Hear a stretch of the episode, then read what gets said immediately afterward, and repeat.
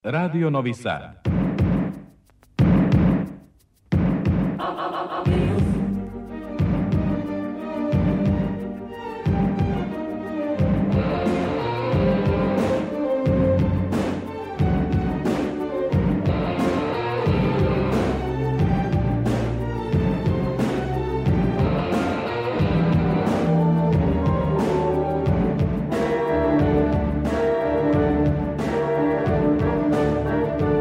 Spektar.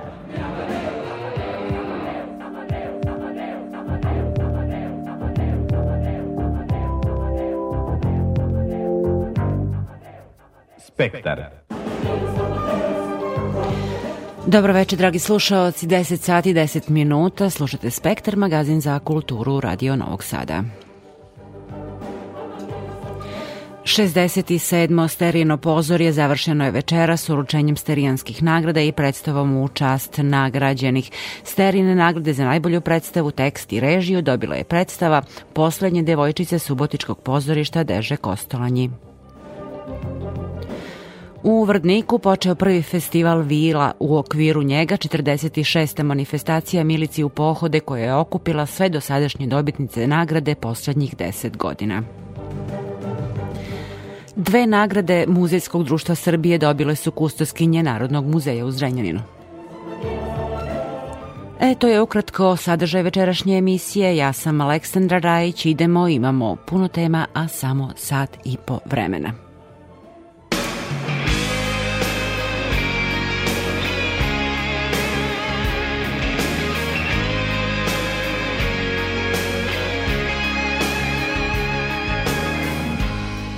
Hold on, I'll be back for you, it won't be long. But for now, there's something else that's calling me. So take me down a lonesome road, point me east and let me go. That suitcase weighs me down with memories. I just wanna be the one you run to. I just wanna be the one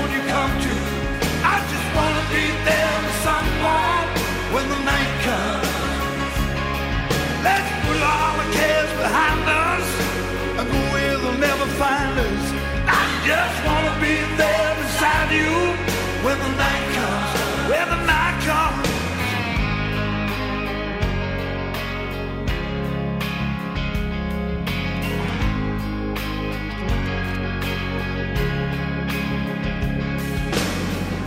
Two spirits in the night. You can leave before the morning light. When there's nothing left to lose, there's nothing left to fear. So meet me on the edge of time. Won't keep you waiting, I'll be right. Then you and I, we'll just roll right out of here. I just wanna be the one you run to. I just wanna be the one you come to. I just wanna be there with someone when the night comes. Let's put all the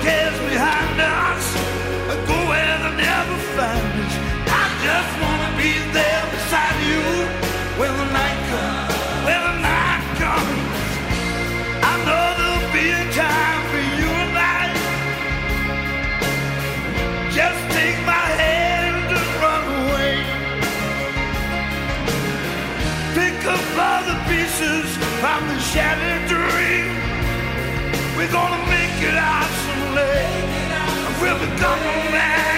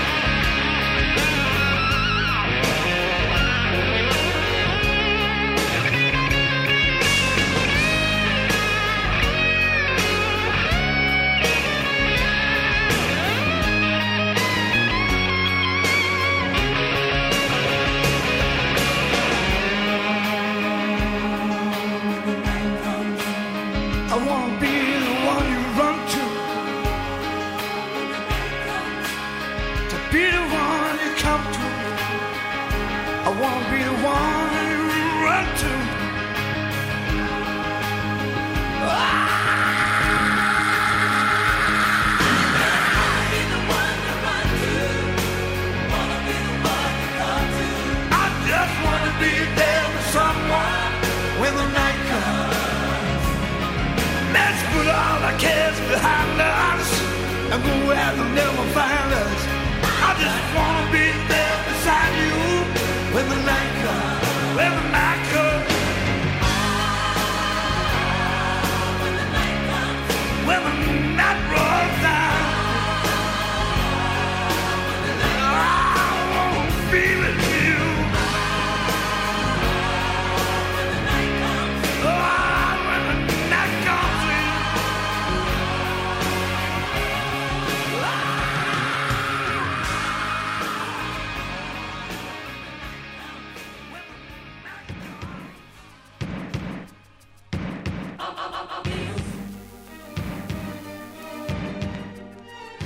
10 sati i 15 minuta slušate Spektar, magazin za kulturu Radio Novog Sada i mi večeras završavamo 67.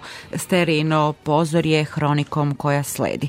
Predstava pop opera Poslednje devojčice Maje Pelević u režiji Kokana Mladenovića u produkciji pozorišta Deže Kostolanji najbolje je na 67. sterinom pozoruju jednoglasno je odlučio žiri.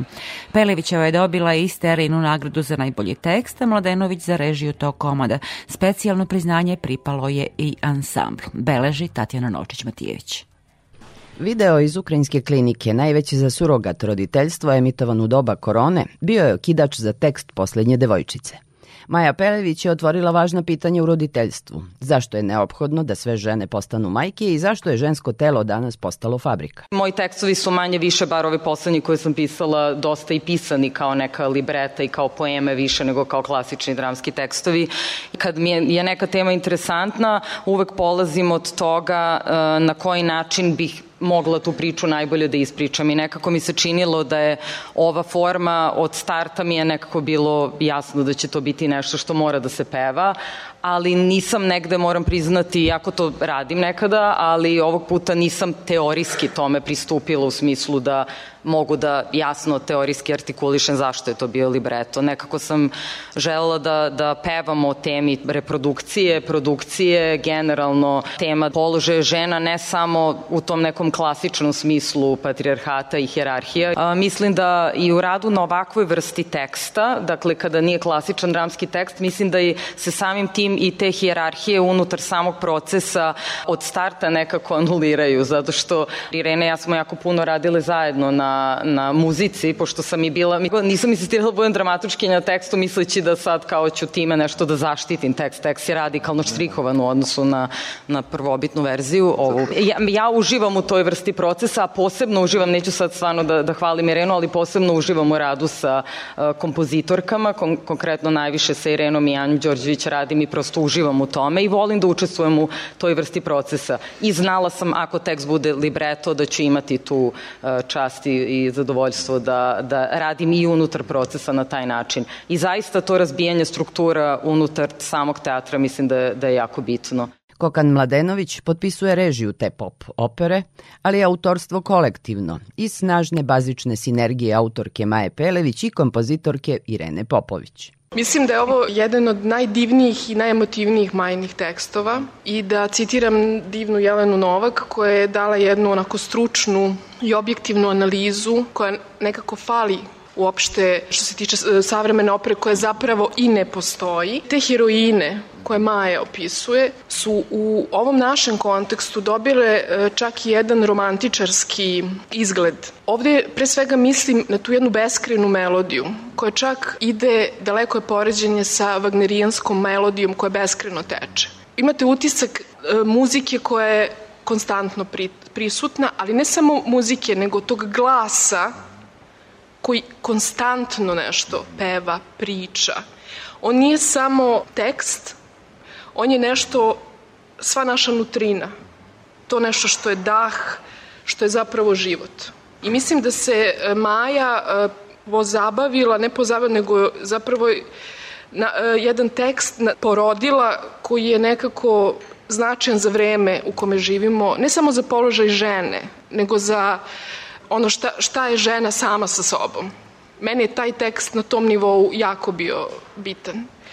Kad dobijete tekst i pročitate na srpskom, bude vam nešto jasno, a onda e, dobijete taj zadatak da to sad sve pa samo na mađarskom malo je reći da je to panika, ali pošto opet kažem, ovi divni ljudi i e, Deže Kostolanji i moj divan e, Serda Arpad, čovek koji me ovaj, navigirao kroz jezik i pomagao da sve to što ja nešto želim, on prosto transponuje u njihov jezik i da ne budem u magli, nego prosto smo nekako zajedno dolazili do rešenja da to bude potentno muzički i ono što je meni jako bilo bitno, jer znate kad je to jezik koji ne govorite, meni najbitnije bilo da se razume šta je Maja htela. Ovako nešto jedino mogu da urade njih četvoro i to ne postoji pozorište u Srbiji koji na takav način, sa toliko snage, toliko predanosti,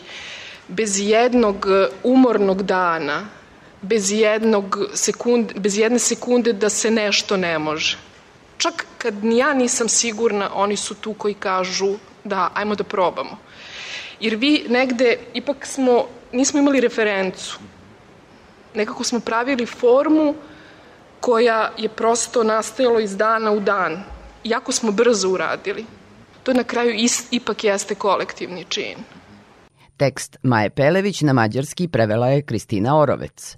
Marija Kalabić, kostimografkinja u toj predstavi, takođe je dobila steridnu nagradu, pa su u ukupnom zbiru poslednje devojčice apsolutni pobednik ovogodišnjeg festivala.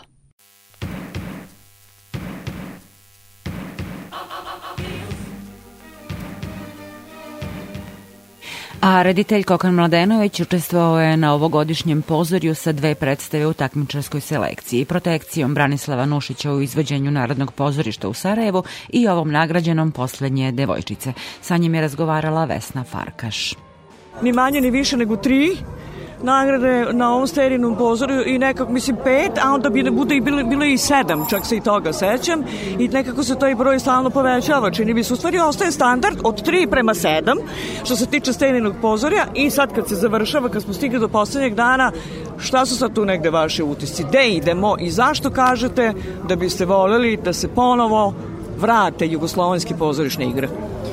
Pa zato što mislim da je svim valjanim ljudima bilo tesno i u onoj zemlji, a kamoli u ovoj drastično manjoj.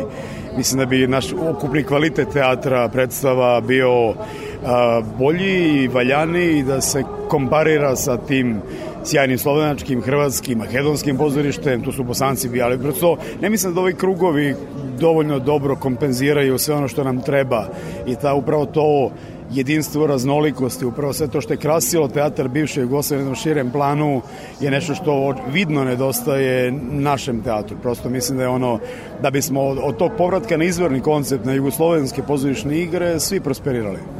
Ovaj put sa potpuno dve različite teme, ali nekako ste ga stavili zajedno u isti, isti ugao gledanja u ovo vreme sadašnje, dakle mislim tu na protekciju Branislava Nušića, gde ste opet stavili vreme sadašnje i poslednje devojčice gde stvarno ja mogu da kažem negde koja žena koja se stvarno zalaže za feminizam ovde jeste nešto što jeste na strani žene i ono što ne treba žena da bude njena uloga samo da bude majka, ako nije udata i nije majka da ona nije ostvarena kao žena. Mogu da kažem to slobodno i u svoje lično ime. Nisam ostvarena u jednom i u drugom, ali se ne osjeća zbog toga lošije. Pa da, jesu dve različite predstave.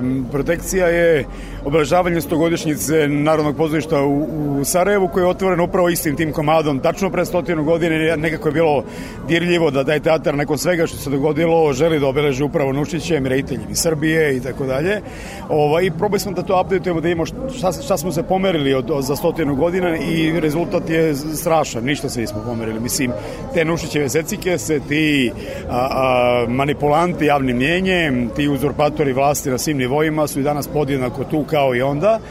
A Zmajinim komadom je stvar mnogo intimnija, to je neko naše lično pozorište, neko istraživanje na temu forme i na temu poetike koje nas se svakako i kao, kao umetnika i kao ljudi jako tiče. Vidimo ono, ne samo šta je položaj žena, nego u kom pravcu nesretno ide naša civilizacija kažem, uglavnom preko, preko leđa ženskog sveta, ali sa podjednakim nesrećama i za oba pola možemo da zaključimo samo da, da poželimo iz e, najveće snage da se pozorišne igre ipak vrate i da ponovo budemo nekako zajedno, pa, pa makar i u ovim jedinim trenucima kada nas pozorište spaja i kada zaboravljamo te razlike u našem regionu kojih zapravo ni nema.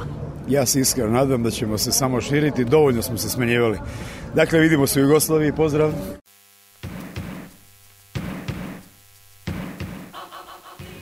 Sterina nagrada za glumačko ostvarenje pripala je Sanji Marković za ulogu Cmilje u predstavi Čudo u Šarganu Ljubomira Simovića u režiji Jagoša Markovića i izvođenju Jugoslovenskog dramskog pozorišta. Prve utiske o nagradi mlada glumica podelila je sa Ivanom Maletin Ćorilić.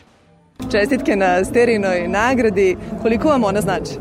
Pa znači baš mnogo, zato što dobro i naravno ne samo što je to kao nenadano bilo, potpuno u autobusu kad sam saznala pa smo onako malo vrištali, ali ovaj, taj nešto što je još od akademija ide, pa smo ovde, ovo mi je prvo sterijno sa predstavom, a pre toga sam bila, naravno gledam predstave, ali nikad ni, nisam ovaj, bila s nekom predstavom, do samo one jedne godine kada akademije dolazi, to su mi ono najlepše uspomene kada smo bila ta razmena sterijno pozore mladih i onda je sad ovo došlo potpuno onako nenadano i, i ne znam, mnogo sam uzbuđena i zahvalna i privilegovana, baš mnogo, ne znam šta da kažem. U predstavi Čudo u Šarganu vaša junakinja Smilja mašta o nekom lepšem i boljem životu, iako je osuđena na taj rad u kafani, jer je bilo teško dočarati taj njen unutrašnji nemir i njene probleme koje muče generalno i celu generaciju. Pa to muči, generacija muči i sve, ono, kao i mislim i sve generacije da to muči, to je onako, tu ima svašta i to pitanje bede i nemaštine, svako bi voleo da je i mašta o nečemu drugom što nema, a Smilja tako maloj sreći mašta, to je tekuća voda, to je ipak kupatilo s pločicama, nisu to neke, ne, Bog zna, nisu to Antigua i Barbuda, tako da ipak Smilja vodi se i srcem, ali i racionalna veoma, ona mora, zna, mora tu da radi da bi preživela i to sve što nosi sa sobom, to je to kremne. Šta vam je obeležilo rad na ovoj predstavi i saradnju sa Jagošem Markovićem? Ovo je treća predstava da radim sa Jagošem. Ne znam, nekako sve od početka kada je pozvao za casting za Čudo u Šarganu, pa nekako onda krenule su probe, intenzivne, svakodnevne, obeležilo je taj rad, toliki suočavanje sa ponovo sa Simovićem, mojim obožavanim. Obeležilo je to, ono, smršala sam 15 kila, ne zato što sam tela, nego o, pojela me cmilja, ali nema veze, nema veze. I za sam kraj, šira publika vas je upoznala u filmu Toma. Koliko je mi taj film doneo popularnost? Doneo je toliko te popularnosti koje ne mogu kažem ni da sam je ono od akademije nešto nikad to nije bilo, pa kao do, naravno da neke stvari su ispraćene, neke manje, neke više, ali o, taj film je baš doneo nešto onako preokret jedan kod, kod mene, ali ništa to u stvari unut, unutar mene, to je jedna lepota tog filma i tog rada sa, sa Draganom stvarno, a to sad ta popularnost, pa to nekako ono, do, ne, ne znam sad ja s tim baš nešto sada bi rekla šta donelo, ništa nije, mislim.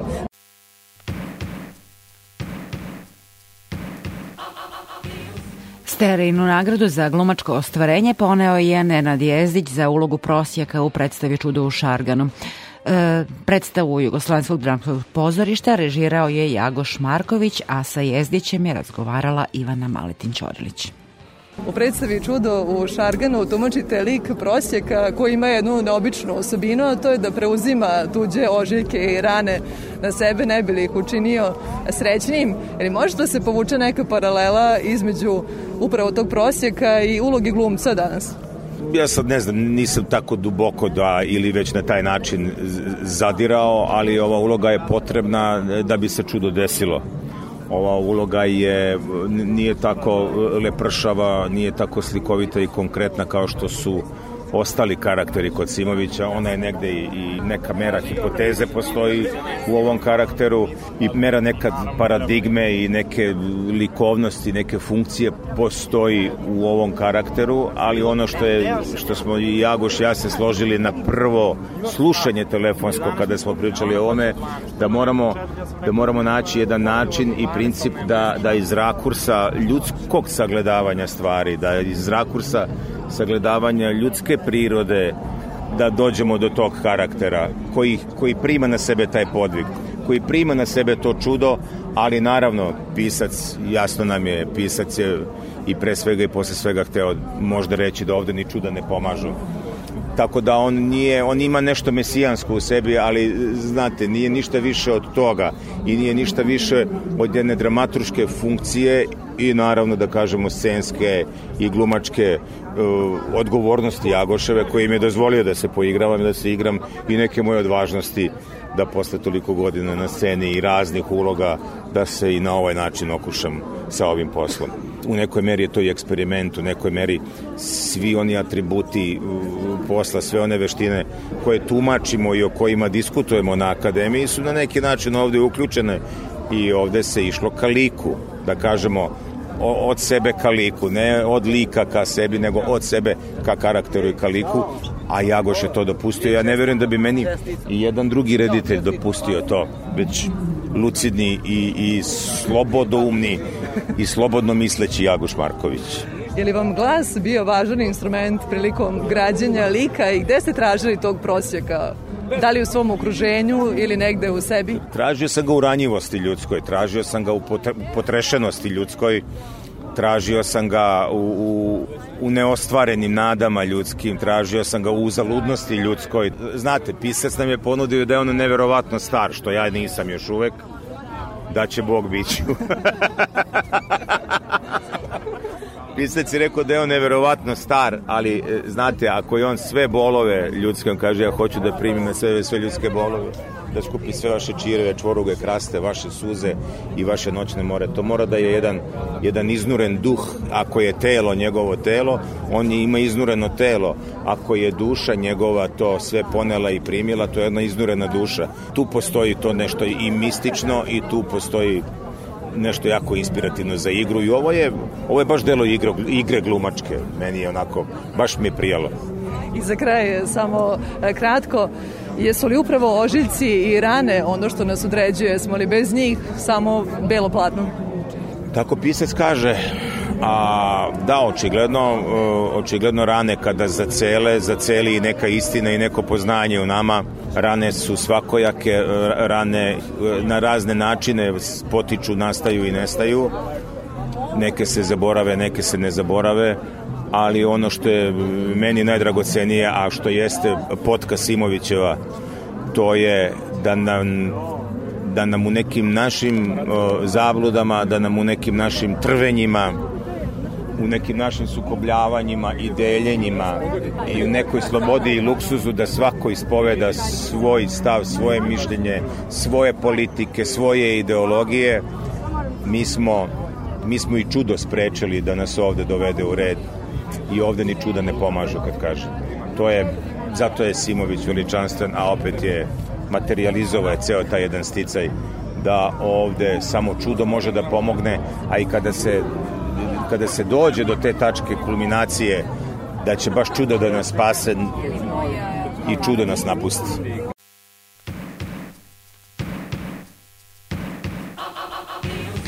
Sonja Isailović nagrađena je Sterinom nagradom za ulogu Magdalene u predstavi kod večite Slavine Momčila Nastasijevića u režiji Sonje Petrović.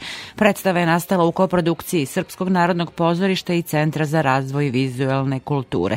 Evo kako je, kako kaže, gradila lik Magdalene uz divnu podršku pre svega rediteljke, tima glumačkog i muzičkog. Tu je bilo dosta strpljenja, ljubavi razumevanja, e, pomoći i negde vere da će to na kraju da bude, do, do zadnjeg trenutka je bilo neizvesno, verujte mi. Tako da u principu taj proces nekog otvaranja je onda krenuo od premijere pa, pa nadalje.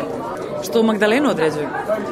Pa neka bezumna strast da, ovaj, koja e, ne gleda uopšte na neke rezultate koji mogu da budu kobni. Prosto za nju ne postoji taj moment, već samo neka beskrena ljubav koja je sa ovako objektivne strane nije baš e, najzdravija i za kraj, ali ova sterina nagrada veliki podstrek za vas u ovoj fazi karijere? Apsolutno, to je nešto čemu se ni najmanje nisam nadala, zaista to kažem i mislim i jedno veliko ohrabrenje da nešto što glumac radi na sceni da zaista prosto ljudi mogu da prepoznaju i da, da nagrade.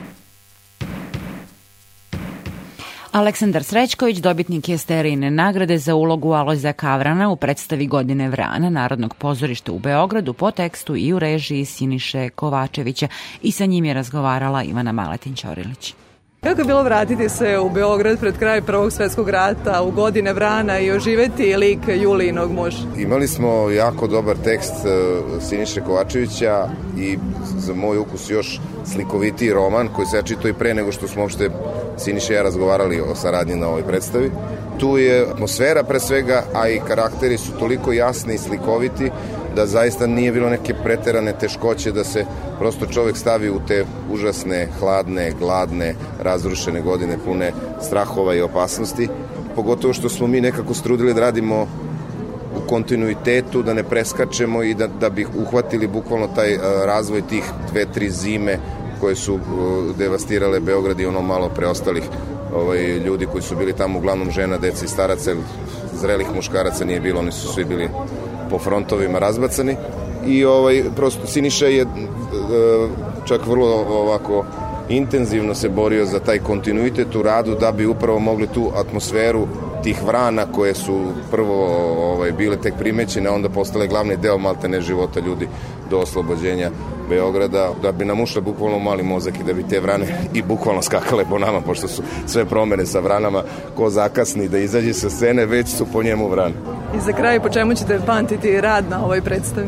Prvo ću da pamtim po tome što sam uh, ja očekivao tvrđu saradnju sa Sinišom Kovačićem, pošto sam ja onako tvrdoglav čovjek, Siniša je jedan stamen tip koji ovaj, drži do svojih ovaj, ideja i stavova, međutim ispostavilo se da u pozorišnom smislu mi prilično slično razmišljamo i on je meni, a i kolegama, naravno ostalima, ali dao jednu vrstu ovaj, slobode u okviru onih uh, repera koje je on postavio, koje je meni vrlo prijatno iznenadila i koje je meni prosto dala krila da, da razmaštavam. On je mene jako pustio da, pogotovo te delove gde sam ja vodio radnju i u tom monologu i tako dalje, me pustio da vodim i samo me onako bočno usmeravao ako ja slučajno negde izađem iz linije koja je opšta linija njeg, onoga što je on očekivao. I vrlo smo lepo radili, ovo je naša prva saradnja, iako smo obojica već dugo u ovom poslu, ali eto tako se nekako namestilo i pretpostavljam da i neće biti poslednja, jer stvarno nismo imali nijedan problem, imali smo vrlo onako fino razumevanje i e, kako bih rekao, s jedne strane težak rad, veliki komad, veliki je velika je tema, veliki su problemi koje likovi imaju, a s druge strane jedan lagan rad jer je onako bilo stvarno su ruke bile odrešene za kreaciju.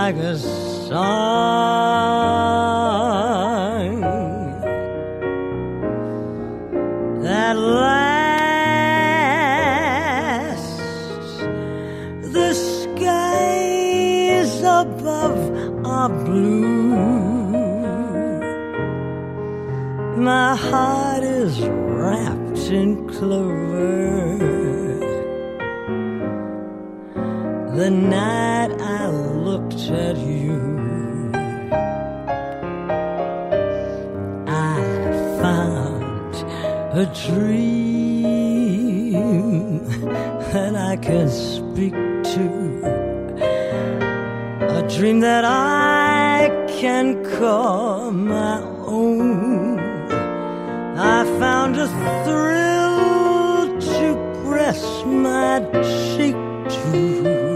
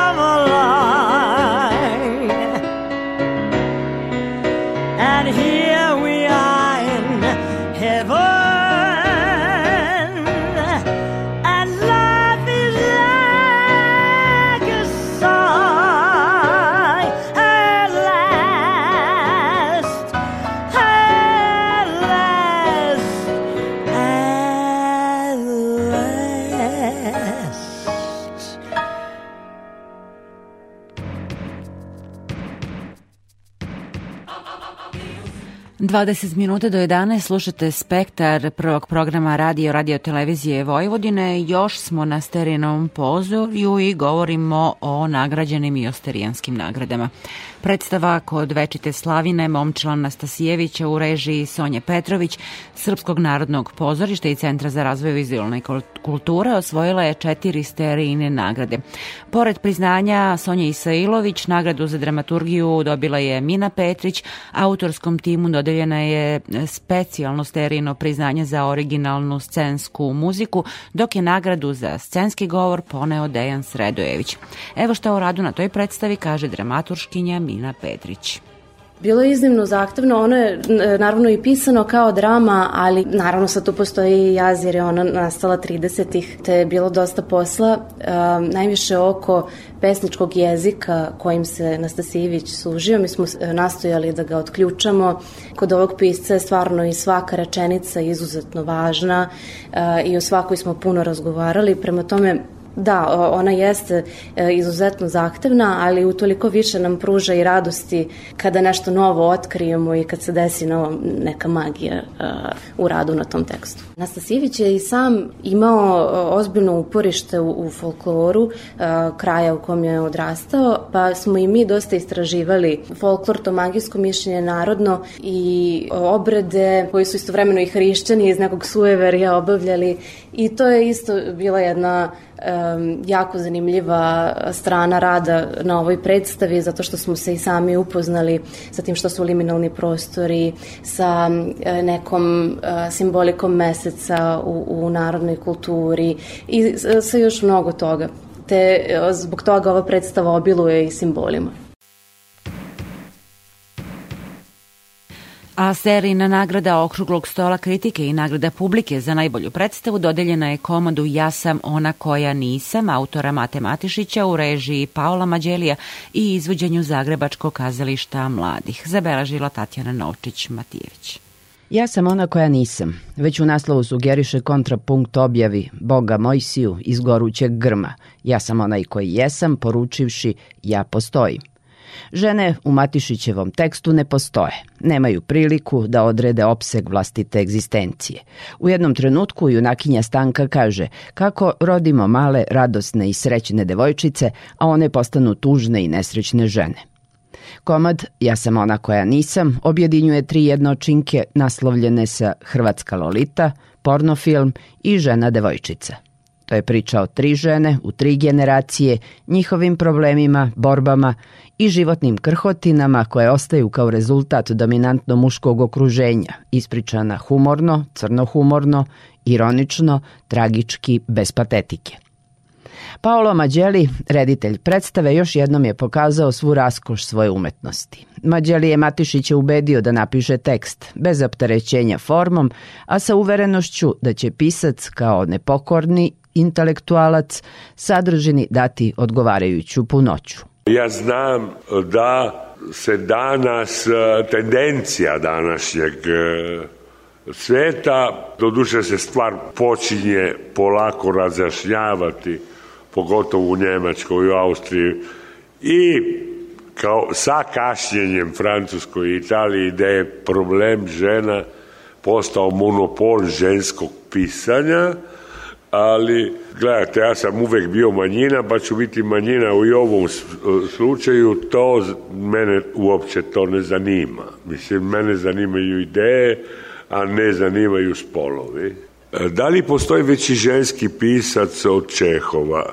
Mislim, veliki pisac se identificira totalno sa likovima. Mislim da je tu Mate u dobrom dijelu uspeo biti žensko dok je pisao. Članica ansambla Zagrebačkog kazališta mladih Urša Raukar.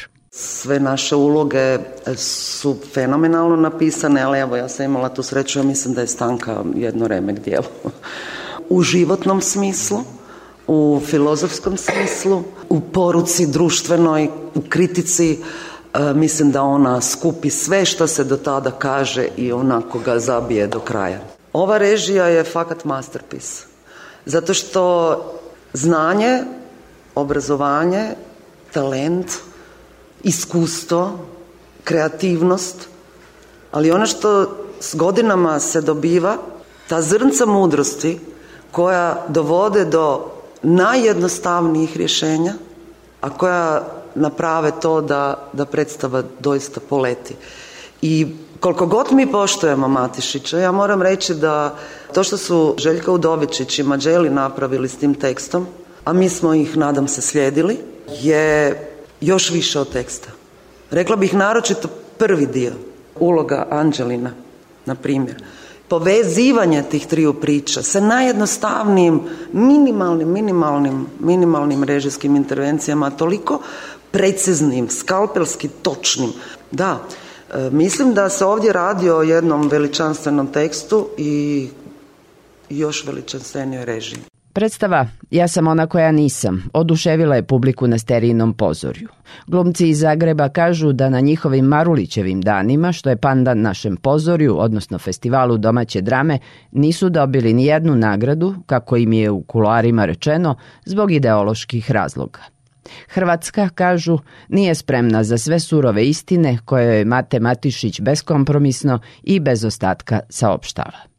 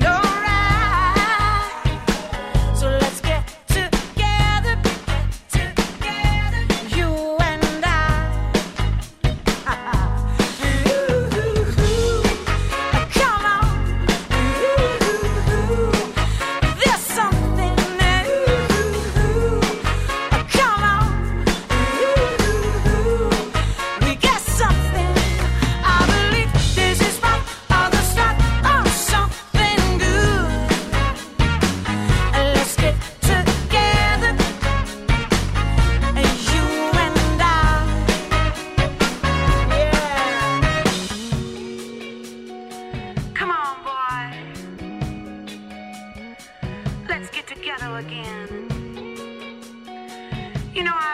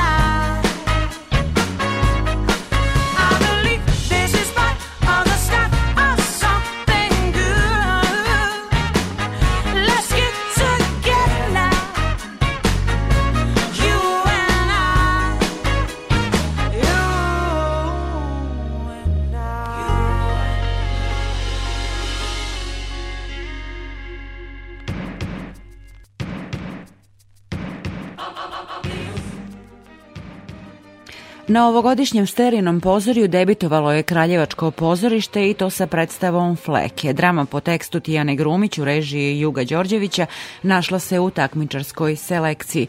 Sa direktorom Kraljevačkog pozorišta Miodragom Dinulovićem razgovarala je Ivana Maletin-Ćorilić. Kako se osjećate povodom prvog učešća na najvećem regionalnom pozorišnom festivalu?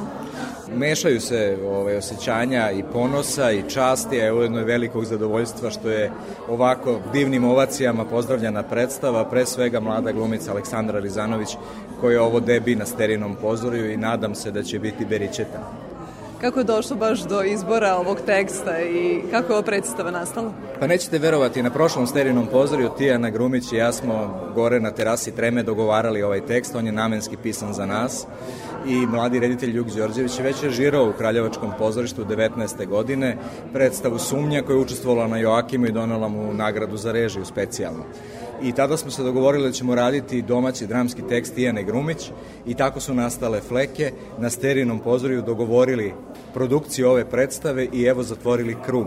Večeras na sterinom pozoriju prvim našim učešćem nakon 73 godine od osnivanja naše kuće. Pitanje se samo nameće gde ste bili do sad. Deset godina sam na čelu ove kuće i vredno i posvećeno radimo na tome da napravimo repertoar i da stvorimo rezultate.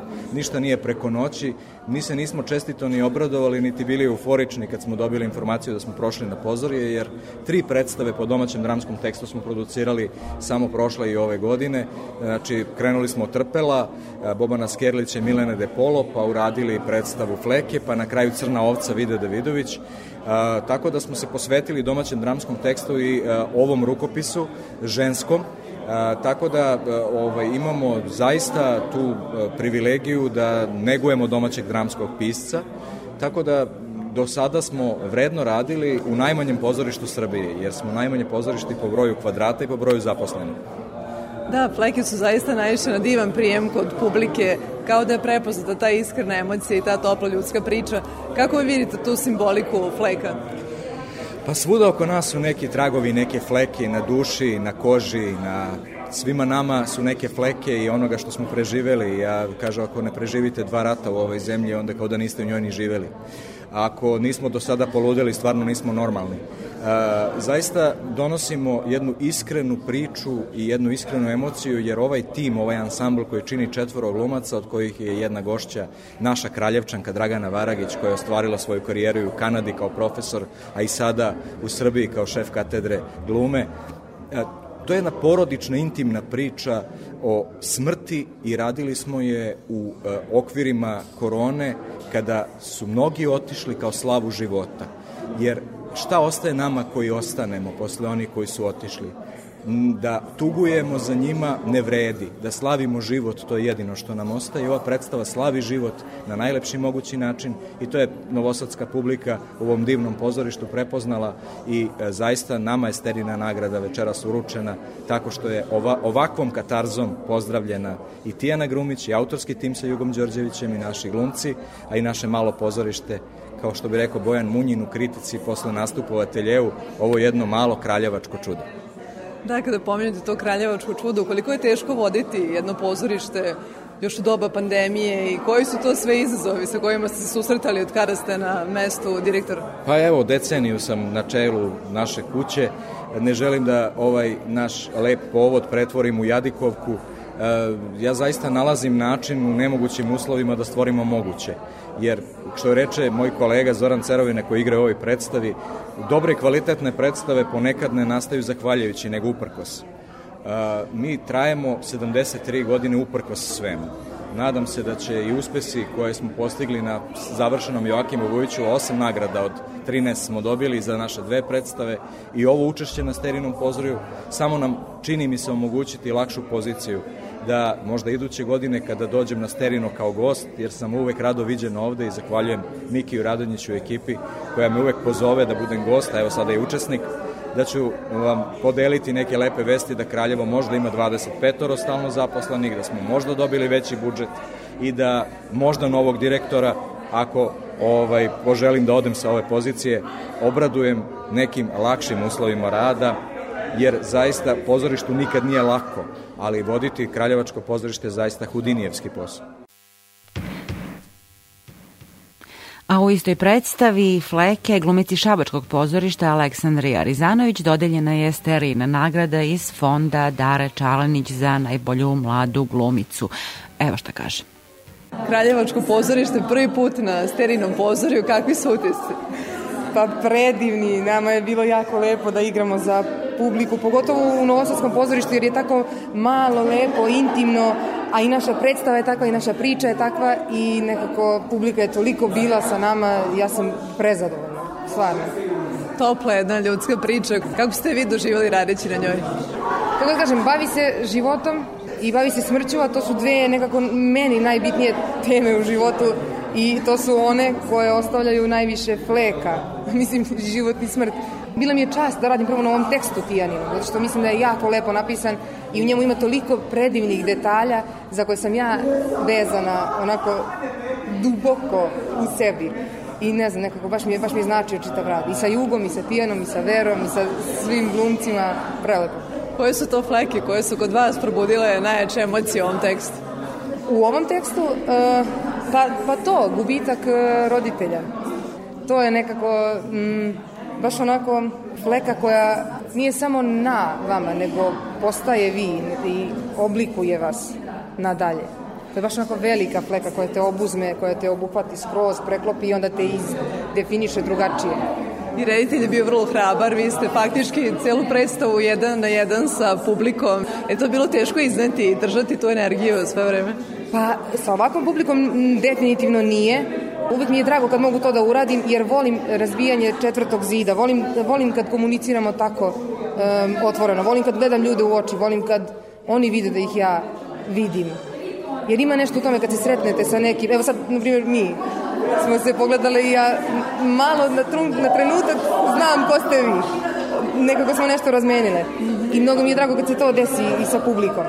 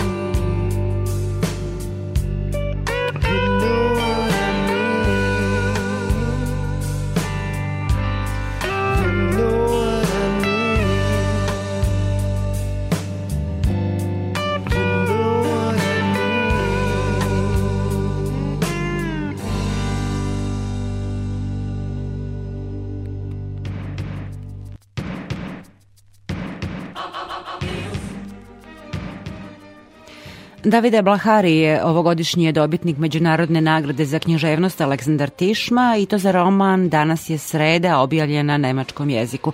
Tako je odlučio međunarodni žiri u sastavu Peter Handke, Ilma Rakuza, Laslo Marton, Vladislava Gordić-Petković i Matija Senar.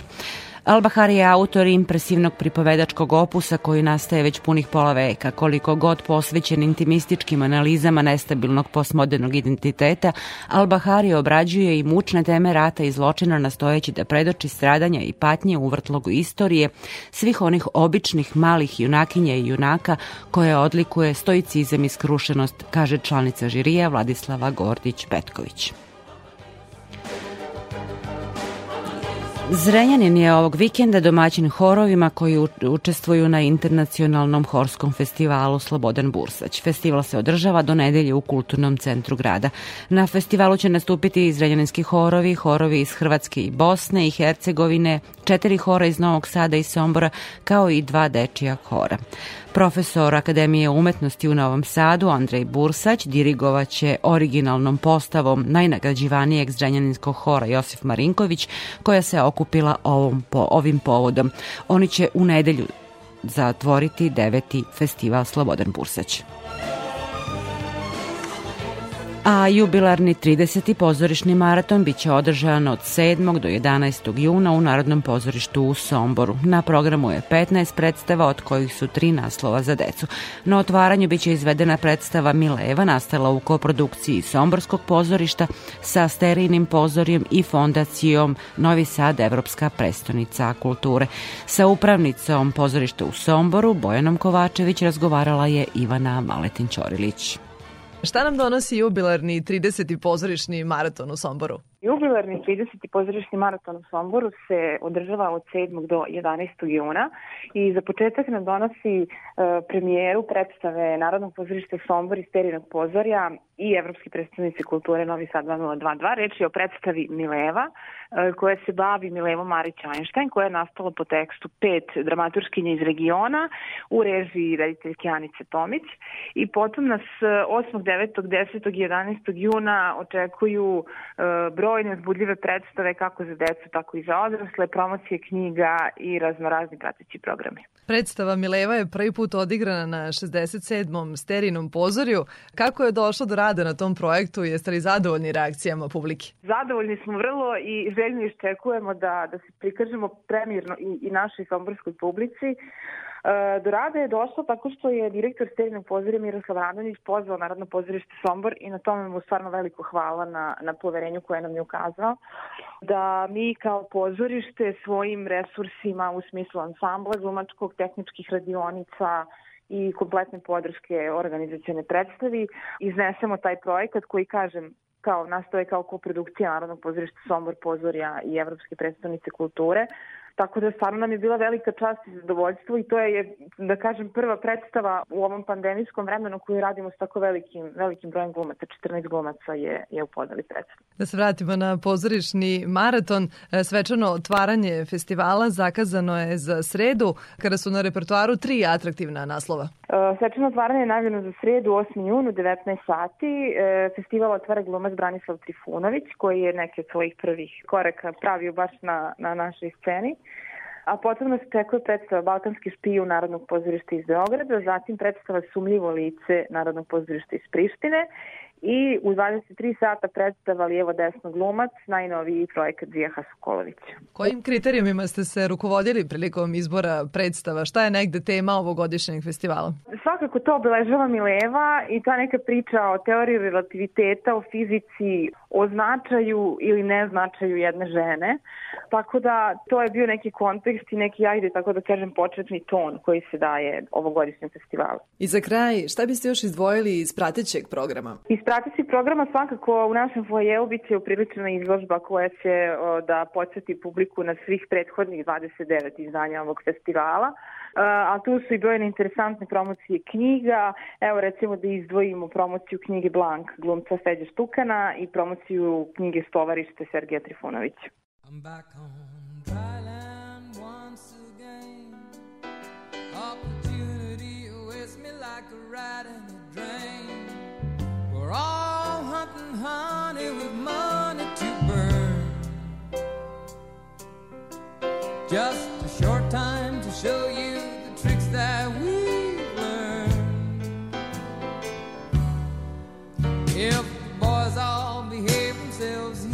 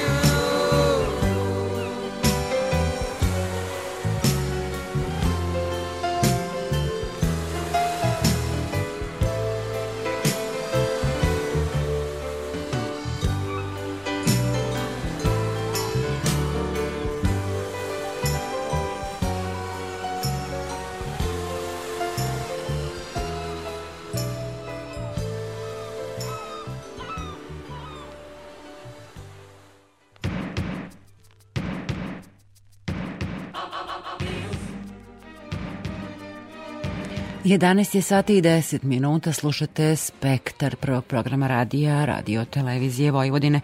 Dva priznanja Muzejskog društva Srbije otišla su ove godine u Zrenjanin. Nagradu za životno delo dobila je Rajka Grubić, muzejska savjetnica i etnolog, a nagradu za projekat godine izložba Merak Kmije, kustoskinje i istoričarke umetnosti, pa i književnice Olivere Skoko. Evo i razgovora zabeleženog s njom. Olivera, najpre čestitke e, na ovoj nagradi koja dolazi od kolega, od stručnjaka. E, Kakvu težinu takva nagrada ima? Nagrada naravno nosi ime Mihaila Valtrovića, pretpostavljam da je poseban značaj ima i zbog toga. Tako je, hvala najpre na čestitkama. E, U pitanju je zaista velika, važna muzeološka nagrada koja nosi ime Mihajla Valtrovića, dakle prvog muzeologa, našeg arheologa, nekoga ko je zaista uradio puno na baštinjenju uopšte naših kulturnih dobara. I sada, eto, kada dobijete takvu nagradu koja nosi tako veliko ime, a uz to vam dodele i kolege, onda je to čast zaista velika. I ja sam to preuzimajući tu nagradu i rekla. Dakle, imala sam tu, tu, tu zaista veliku sreću i zadovoljstvo i privilegiju da sarađujem sa velikim brojem kolega, vrsnih muzealaca, e, dakle osim svojih kolega u muzeju, to su bili brojni kolegi iz drugih muzeja i galerije koji su bili u svakom trenutku zaista raspoloženi da mi izađu u susret e, bilo informacijom, bilo nekom fotografijom i tako dalje.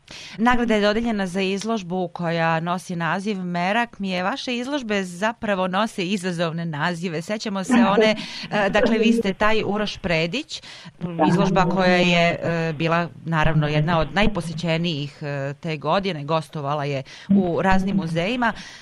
Vi imate spisateljska iskustva i spisateljske ambicije i za vas su tri objavljene knjige. Zašto takvi nazivi i odakle vam dolaze ideje?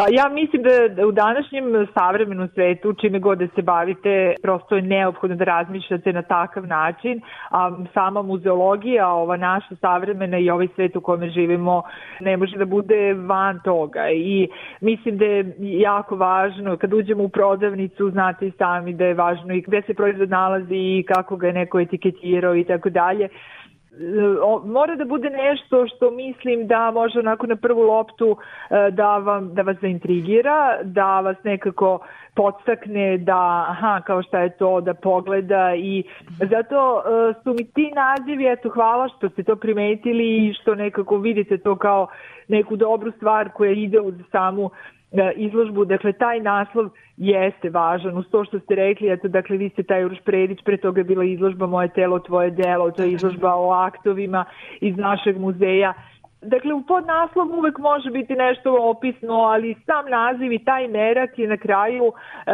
zaista ispao pun pogodak, jer e, su ljudi, e, ljudima je bliska, bliska ta reč, e, e, bez obzira što je to, što vodi poreklo ovaj, orijentalno i što, ali što, što dolazi iz tih krajeva turskog, arapskog rečnika, ali nam je jako bliza, kao reč kafa, kao reč kafana, sve ono što je ova izložba imala kao temu. Ajde samo ukratko da se podsjetimo šta se se krilo iza tog naziva Merak, šta je sve bilo predstavljeno na toj nagrađenoj izložbi.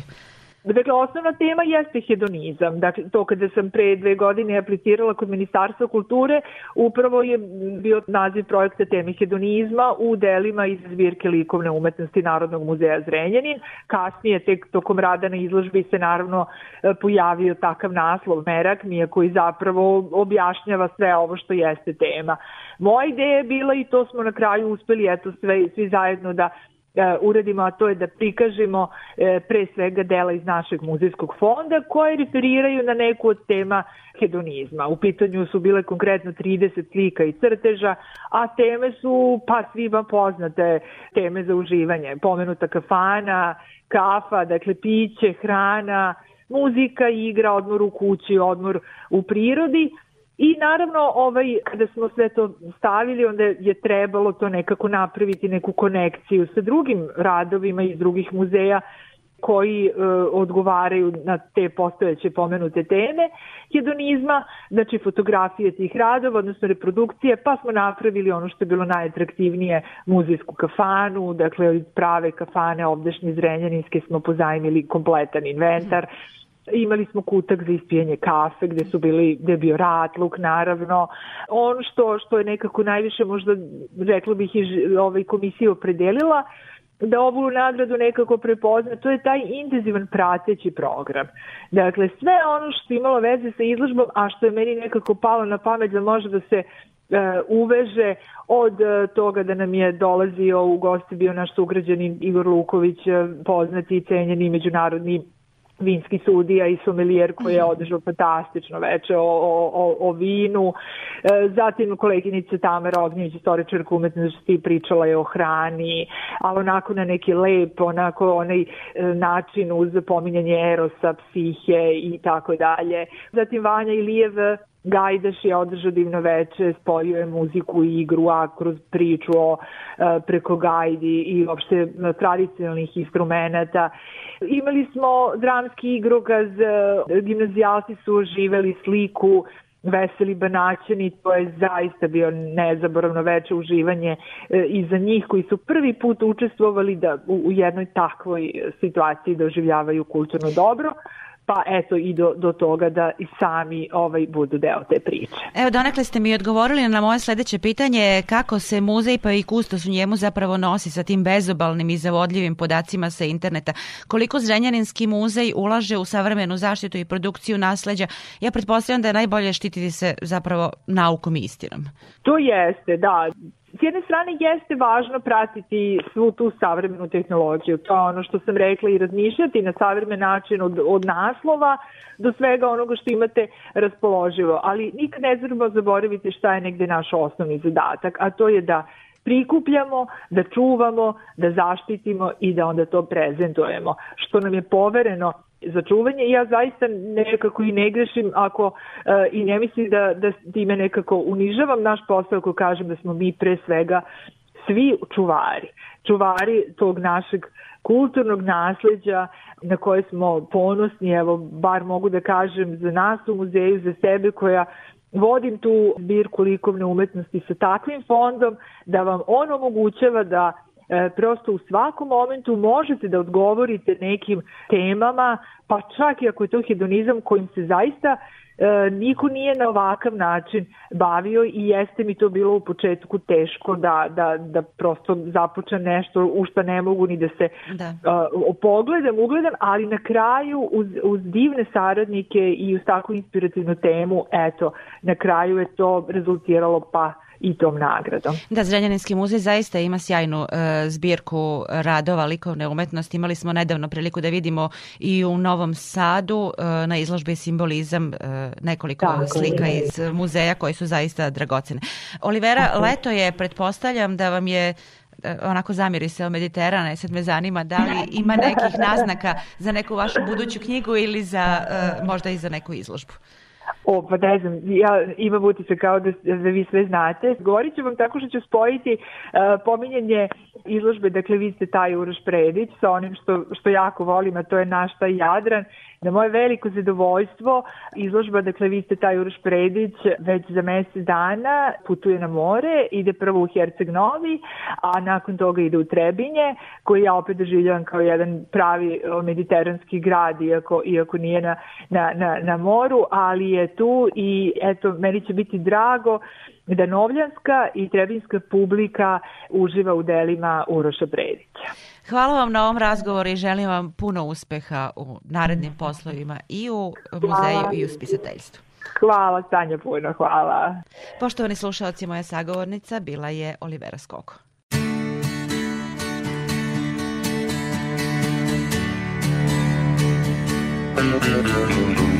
He's got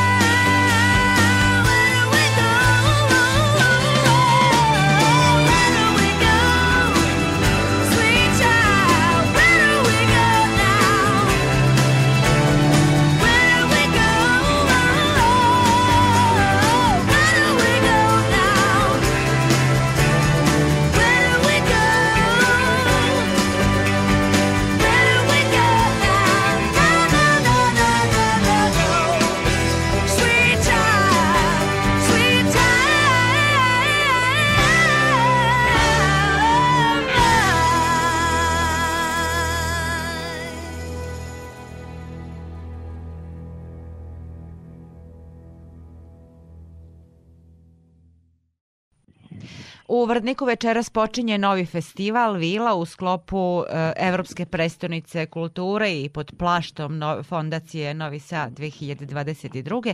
Posvećen pre svega Milici Stojedinović Srpkinji, dakle ženskom stvaralaštvu, kreativnosti i aktivizmu. Biće predstavljene umetnice iz sveta, regiona i Srbije u svim oblastima stvaralaštva, a tri dana zapravo trajaće i manifestacija Milici u pohode i to njeno 46. izdanje. U Vrdniku je Tatjana Novčić-Matijević. Tanja, dobroveče. Šta se dešava zapravo u okviru ove manifestacije na koju smo navikli da zapravo da bude jednodnevna e, I promocija nove Sadu, autorke i da. nove njene knjige, da. E, da, dobro veče iz Vrdnika. Pa lepo je ovde, šta da vam kažem. Nije zalud Milica Stojedinović Srpkinja živela u ovom mestu. Ali e, 46 ta manifestacija Milici u pohode večeras je krenula jednim off programom. To e, podrazumeva da su dosadašnje dobitnice ove nagrade, a podsjećamo 2009. godine nagrada se isključivo dodeljuje pesnikinjama, Dakle, one su se sve okupile ovde u Vrdniku i... Doslovno sve, doslovno sve. Pa, e, fale Tanja Kragujević, Naravno. Sunčica Denić i Zlata Kocić. Naravno, da. Da, e, ostale su tu i praktično ovaj program počinje jednim finim e, autorskim omažom e, Milici Stojedinović Srpkinji. Sve su one dobitnice te nagrade i sve su one e, u tim povodom i u to ime e, dobile e, ili novu pesničku knjigu ili izbor iz poezije. I e, moram da priznam da je onako e, dobro osjećanje kada se čuju te snažne e, pesničke slike, reči, metafore, e, simboli, taj jezik i energija ovako u prirodi. E, Prosto ima, ima onog nečeg, ne mogu da kažem arhaičnog, ali ima onog, onog nečeg stvarno povezanog sa, sa zemljom. To, to snažno osjećanje. Recimo kada je Radmila Lazić izgovorila svoju poeziju, to je toliko jedna kratka pesma, ali toliko je snažna. Da, da imate osjećaj da, ono- da, da ta energija Da je pravo mesto zapravo. skreće i skreće iz te zemlje. Da je- Ali da se ja vratim na, na ove formalne stvari koje zapravo kažu da će zvanično e, manifestacija početi sutra u o, hotelu Fruške terme i to je ono sada što se uklapa u e, taj programski sadržaj vile koji će imati i svoj drugi deo i da će sutra novoj dobitnici nagrade Milici Stojedinović Srpkinje, Jasmini Topić, biti uručena nagrada. Osim e, tog oficijalnog dela, e, jedan e, snažni program napravljen je sa Institutom za književnost, a on će okupiti u nedelju teoretičarke kulture i umetnosti i one će zapravo govoriti o ženskom autorstvu, o problematizovanju tog e, pisma, tog stava, tog jezika jeli, u, u e, kulturi i o tome koliko je prisutno, zastupljeno, moćno to žensko autorstvo u srpskoj kulturi. Dakle, osim teoretičarki, naravno u, u tom, na tom simpozijumu će govoriti one koje e, zapravo kreiraju tu, tu realnost, pogotovo kada je reč o srpskoj poeziji. Dosadašnje dobitnice nagrade Milica Stojadinović Srpkinja dobile su ove godine i antologiju koju je priredila Dragana Todoreskov. Da, sutra će, e, nakon dakle, te svečanosti uručenja e, nagrade i promocije e, izabrane poezije Jasmine Topić, e, knjiga se zove Sada smo na ostrvima, biće predstavljena i antologija Ako sam ja ona. To je izdanje Kulturnog centra Vojvodine Miloš Crnjanski i u toj antologiji su zastupljene zapravo sve dobitnice e, nagrade e, Milica Stojadinović Srpkinja e, u e, deset godina, dakle u prvih deset godina od kako se nagrada dodeljuje pesnikinjama. E, autorka, odnosno priređivačica antologije je Dragana e, Todoreskov i biće priče o, tome, naravno pošto su sve pesnikinje prisutne, ja mislim da će to biti još jednom prilika da se e, sad onako u, u jednoj knjizi saberu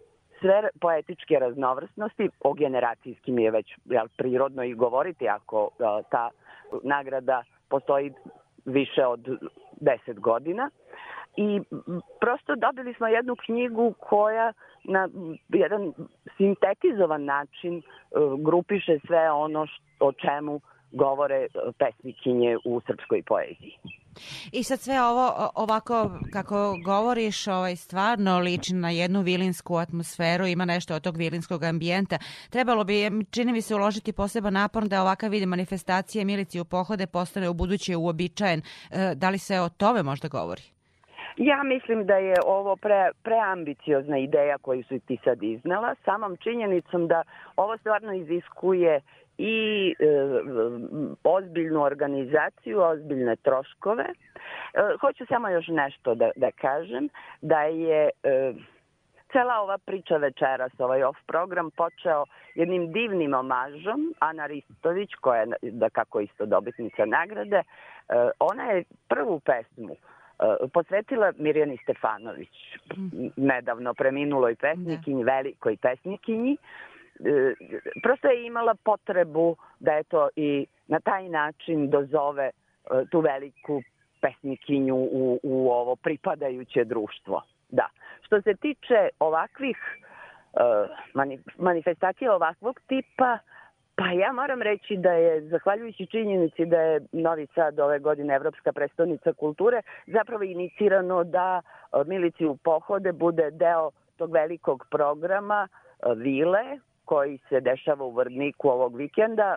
Rekoh, ovo je jedan deo, drugi deo su nastupi velikih muzičarki, umetnica, dramskih i tome slično na jednoj sasvim drugoj lokaciji, ali mislim da će to za Vrdnik i sve posetioce u, ovoj, u svih manifestacija zaista biti velika, veliki i važan događaj. Da, i samo za kraj, evo jedna tehnikalija da je prevoz iz Novog Sada e, besplatan i obezbeđen ova tri dana, da, da- dakle iz Novog Sada do Vrdnika i nazad i da su naravno e, svi ulazi na sve programe takođe besplatni.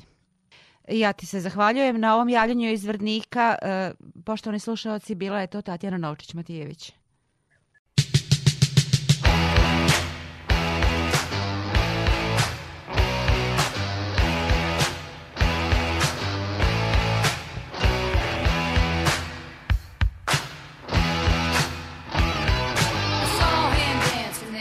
Record machine. I knew he must have been about 17.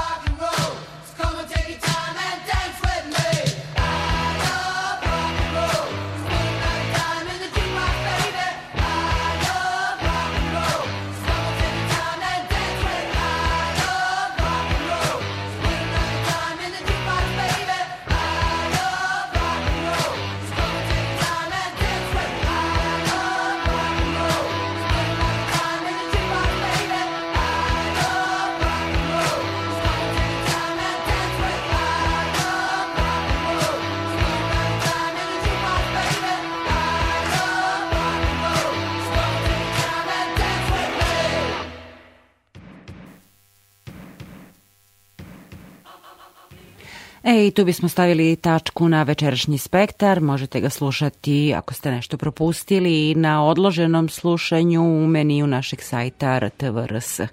Spektar su realizovali Daniel Slimak, Zoran Gajinov, ja sam Aleksandra Rajić, ostavlja vas uz noćni program Radio Novog Sada, Bulevar Sumraka i Ivan Vukčević i čekam sledećeg petka u isto vreme.